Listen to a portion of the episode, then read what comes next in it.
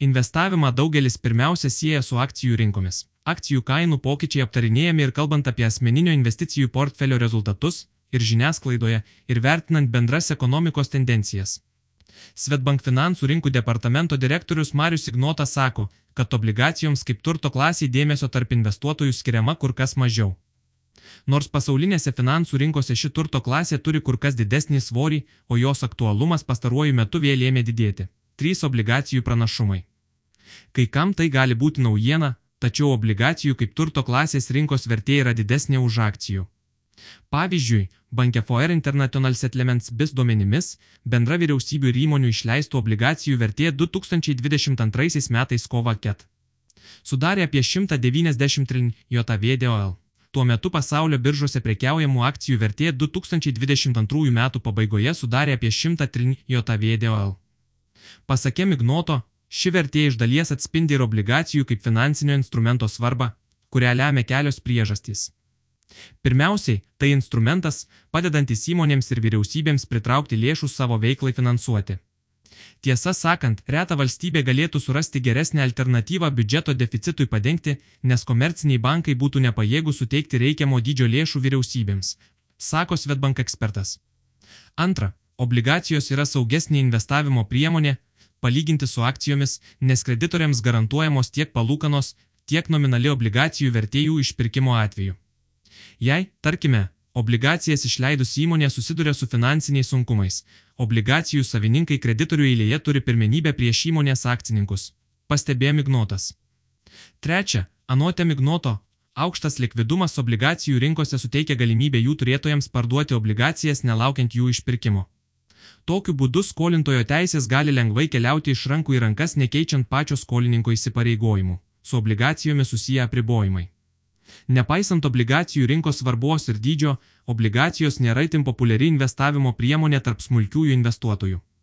Pasakė Mignoto, viena priežasčių, kad skirtingos obligacijos nėra tapatus, vienas kitą pakeičiantys instrumentai.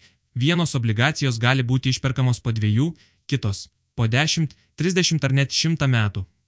Vienos obligacijos turi periodinius kuponus ir sukauptas palūkanas išmoka kas pusmetį ar metus, kitos tik suėjus visam išpirkimo terminui. Be to, įmonių leidžiamos obligacijos įprastai yra rizikingesnės nei vyriausybių. Dėl šios įvairovės prekybą obligacijomis gana sunku organizuoti vienoje prekybos vietoje, pavyzdžiui, biržoje, o daugelis obligacijų sandorių vyksta už biržos ribų. Juose dažniausiai dalyvauja profesionalūs investuotojai, perkantis ar parduodantis obligacijas itin didelėmis sumomis, teigia Svetbank atstovas - žemų palūkanų poveikis. Per pastarąjį dešimtmetį obligacijas į užmarštį nustumė vyravusios itin žemos bazinių palūkanų normos. Centriniams bankams mėginant paskatinti ekonomikos augimą ir kovojant su defliacinėmis tendencijomis, bazinės palūkanų normos atsidūrė ties nulinė riba, o jų vykdytos obligacijų supirkimo programos gerokai iškreipė kainų formavimo procesą rinkose, teigia Mignotas. Dėl šių priežasčių obligacijų kainos išaugo, o jų pajamingumai itin sumažėjo. Kai kurių saugių vyriausybių vertybiniai popieriai kurį laiką net nešė neigiamą gražą, tai yra jas įsigiję investuotojai suėjus išpirkimo terminui galėjo atgauti mažesnę sumą, nei buvo investavę. Pasakė Mignoto, tai buvo dar viena priežastis, paskatinusi daugelį investuotojų nusisukti nuo obligacijų kaip turto klasės. Pokyčiai obligacijų turto klasėje. Centriniams bankams pradėjus kelti bazinių palūkanų normas bei sumažinus obligacijų supirkimo programų apimtis, rinkoje atsirado daugiau patrauklių galimybių investuoti į obligacijas. Šiandien pasaulyje praktiškai nebeliko obligacijų su neigiamu pajamingumu, net saugiausios obligacijos generuoja teigiamą gražą investuotojams. Pastebėjo Mignotas. Šie pokyčiai pirmiausiai atspindi fundamentaliai pasikeitusias ekonomikos tendencijas pasauliui grįžtant iš po pandemijos sąstingio. Infliacija, ženkliai išaugęs pinigų kiekis ir naujai atsiradusios geopolitinės įtampos. Tai rizikos, už kurias investuotojai reikalauja papildomos premijos. Nepaisant naujų iššūkių, investuotojų susidomėjimas obligacijomis palaipsniui sugrįžta.